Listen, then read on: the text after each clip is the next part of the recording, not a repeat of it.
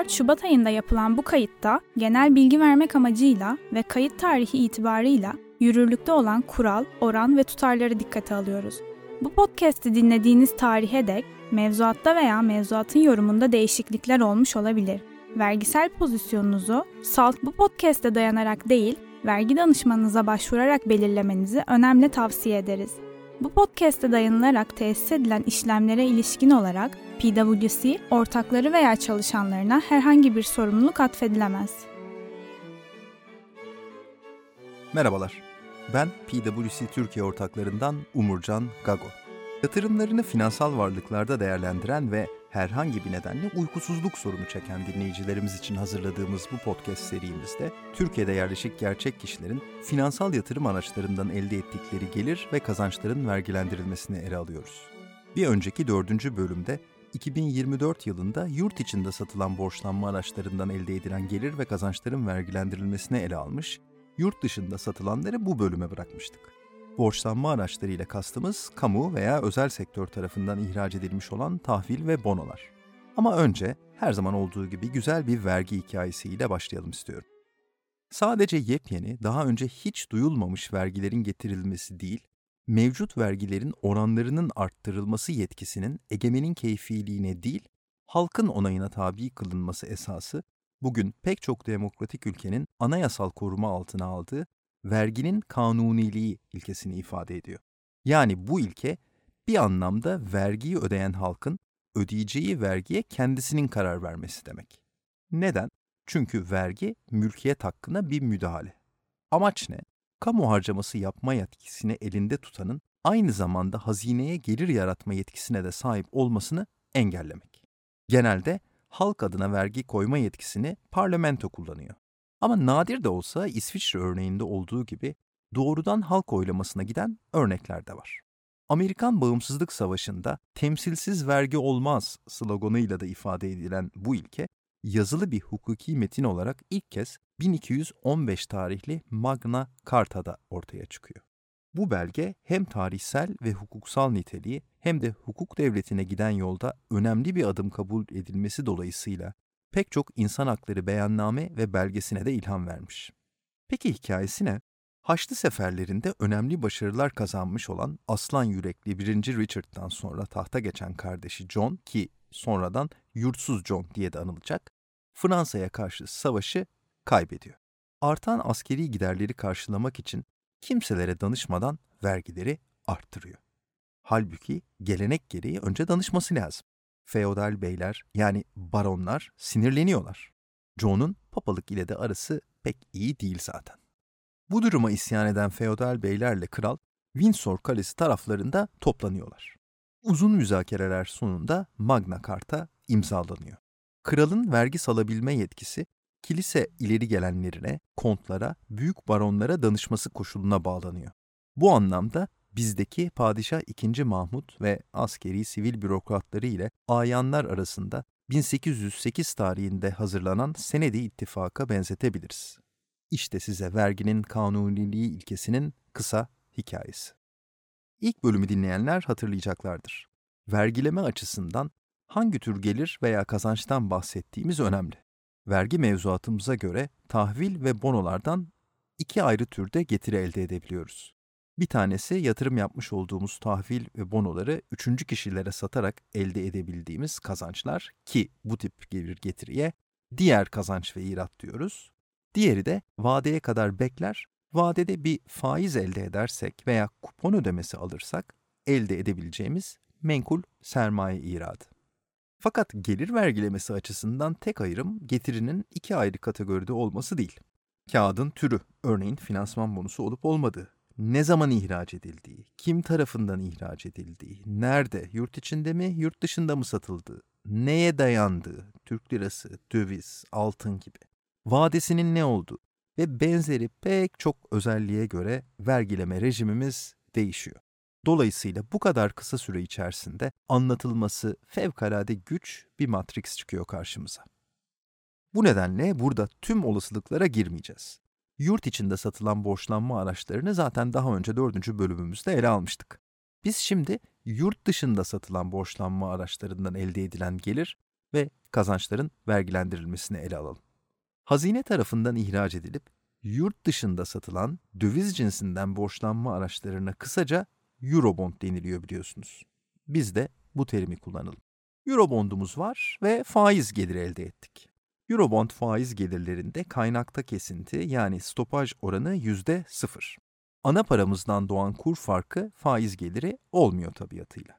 Ama elde ettiğimiz faiz geliri eğer stopaja tabi tutulmuş diğer menkul ve gayrimenkul sermaye iratları ile birlikte belli bir beyan eşiğini ki 2024 için bu beyan eşiği 230 bin lira bunu aşıyorsa gelirin tamamını beyan etmek zorundayız. Yani başka bir deyişle Eurobond faiz gelirimiz ile yıl içinde elde ettiğimiz ve stopaj suretiyle zaten bir kısım vergilendirilmiş diğer menkul ve gayrimenkul sermaye iratlarımızı topluyoruz.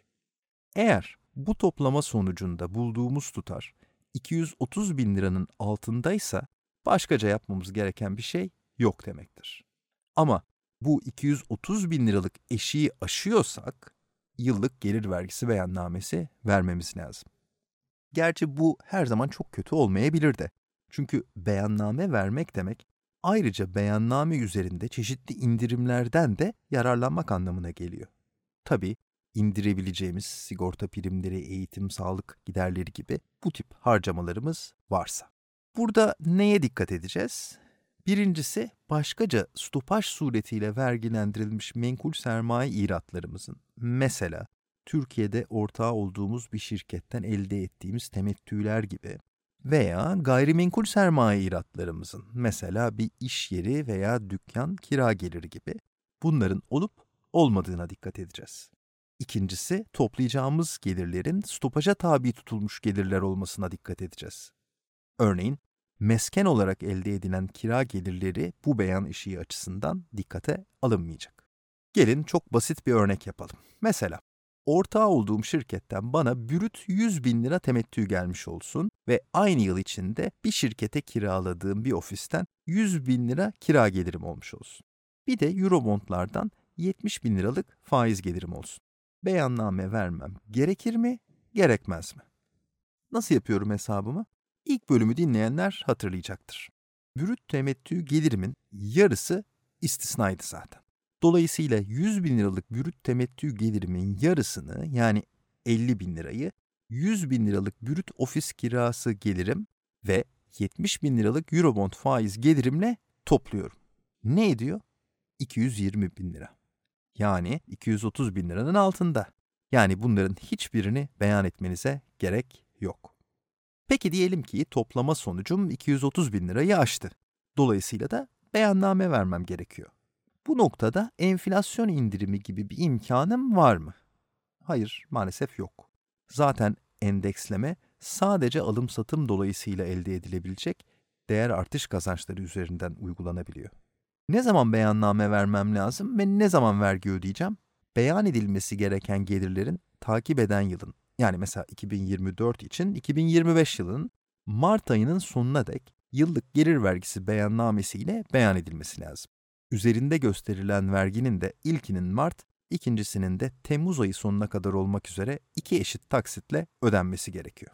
Peki Eurobondumuzu vadeden önce elden çıkarttık. Mesela sattık ve bundan bir kazanç elde ettik. Kazancımız nasıl vergilenecek? Bir kere bu kazanç stopaja tabi olmayacak. Neden? Çünkü menkul sermaye iradı kategorisine girmiyor. Gelir vergilemesi dilinde diğer kazanç ve irat kategorisine giriyor. Kural olarak Türk lirası cinsinden satış bedeliyle Türk lirası cinsinden iktisap yani alış bedelimiz arasındaki fark vergiye tabi kazancımız olacak.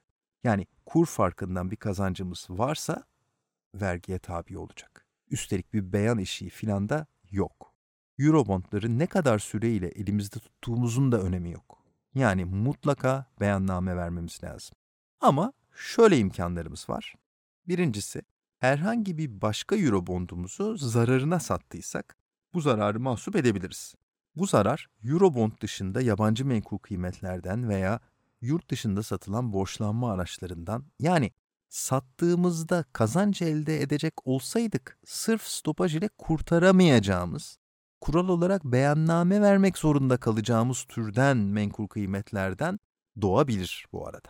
İkincisi eğer elden çıkardığımız ay hariç olmak üzere söz konusu Eurobond'u iktisap ettiğimiz yani aldığımız tarihten itibaren üfe artış oranı %10 veya üzerinde olduysa alış bedelimizi yani söz konusu Eurobond'u alırken ödediğimiz tutarı üfe artış oranı ile endeksliyor, vergiye tabi kazancımızı bu şekilde hesaplıyoruz.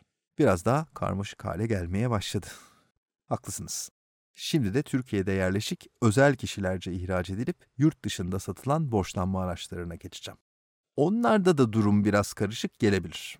İsterseniz devam etmeden önce burada pauza basıp kendinize küçük bir mola alabilirsiniz. Ya da halen uykunuz gelmediyse son bir gayret sabırla onu da bitirelim. Çok da işimiz kalmadı. En zorlu kısmı açtık. Peki. Türkiye'de yerleşik özel kişilerce ihraç edilip yurt dışında satılan borçlanma araçlarına yatırım yaptım. Faiz gelirlerim nasıl vergilendirilecek? Aslında Eurobondlara çok benziyor. Yani yine ana paramızdan doğan kur farkı faiz geliri olmuyor.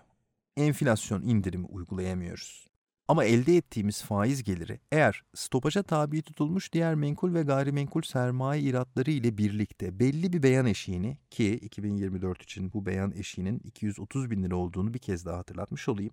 Bunu aşıyorsa gelirin tamamını beyan etmek zorundayız.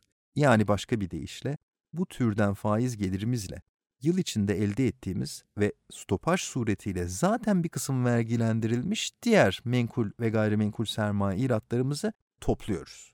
Eğer bu toplama sonucunda bulduğumuz tutar 230 bin liranın altındaysa başkaca yapmamız gereken bir şey yok demektir.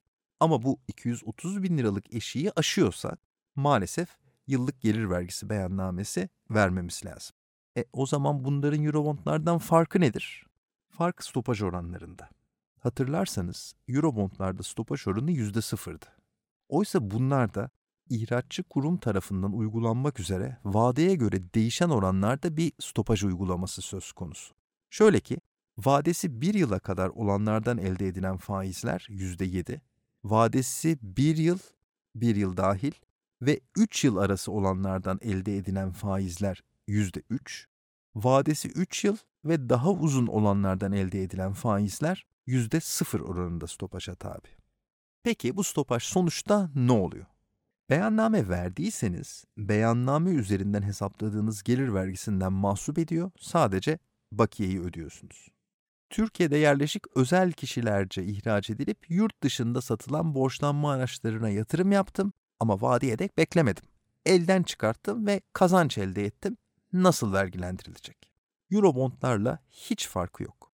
Yani bu kazanç stopaja tabi olmayacak kural olarak Türk lirası cinsinden satış bedeliyle Türk lirası cinsinden alış bedelimiz arasındaki fark vergiye tabi kazancımız olacak. Yani kur farkından bir kazancımız varsa vergiye tabi olacak. Bir beyan eşiği filan da yok.